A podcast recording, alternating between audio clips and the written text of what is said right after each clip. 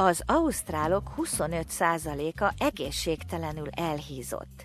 Míg az általános vélemény az, hogy ezért az egyén a felelős, egy Melbourne klinika ezt megcáfolni készül.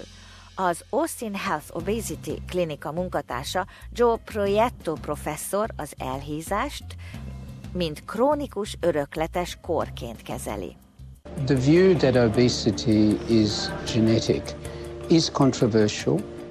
However, the evidence is very strong that there is a genetic predisposition to obesity. Az Austin Health-nél dolgozó orvosok szerepelnek abban az új dokumentumfilmben, amelyikben a betegeket elsősorban génállományuknak megfelelő módon próbálnak diétával, gyógyszerekkel, sebészeti beavatkozással fogyasztani. Proietto professzor úgy véli, a környezeti tényezőknek, életmódnak kevesebb hatása van a testsúly növekedésére, mint a géneknek. A Sydney Egyetem túlsúlyosságot tanulmányozó kutató központjának igazgatója, dr. Nick Fuller azt mondja, ha a géneket okolják, az még rosszabb.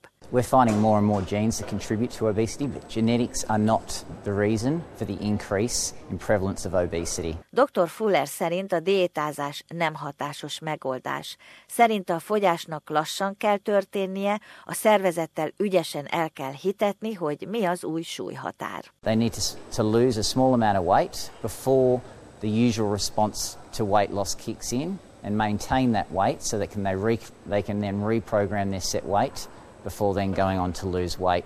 Helena Jadgon már 30 éve próbálkozik a fogyással.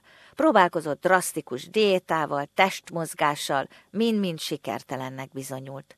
Dr. Fuller stratégiájának segítségével azonban csupán az elmúlt években sikerült végre leadnia 14 kilót. He didn't make us feel that it was that we were on a diet. He was just guiding us as to what foods we can eat and not really saying what foods we, we cannot eat, but uh, just saying if you feel like having a laksa, have a laksa, but maybe limit it to maybe one takeaway treat in a week. Most kényelmesen 68 kiló, továbbra is a főzés a szenvedélye, és arra próbálja nála fiatalabbakat tanítani, hogy úgy próbáljanak lefogyni, közben ne változtassanak életmódjukon.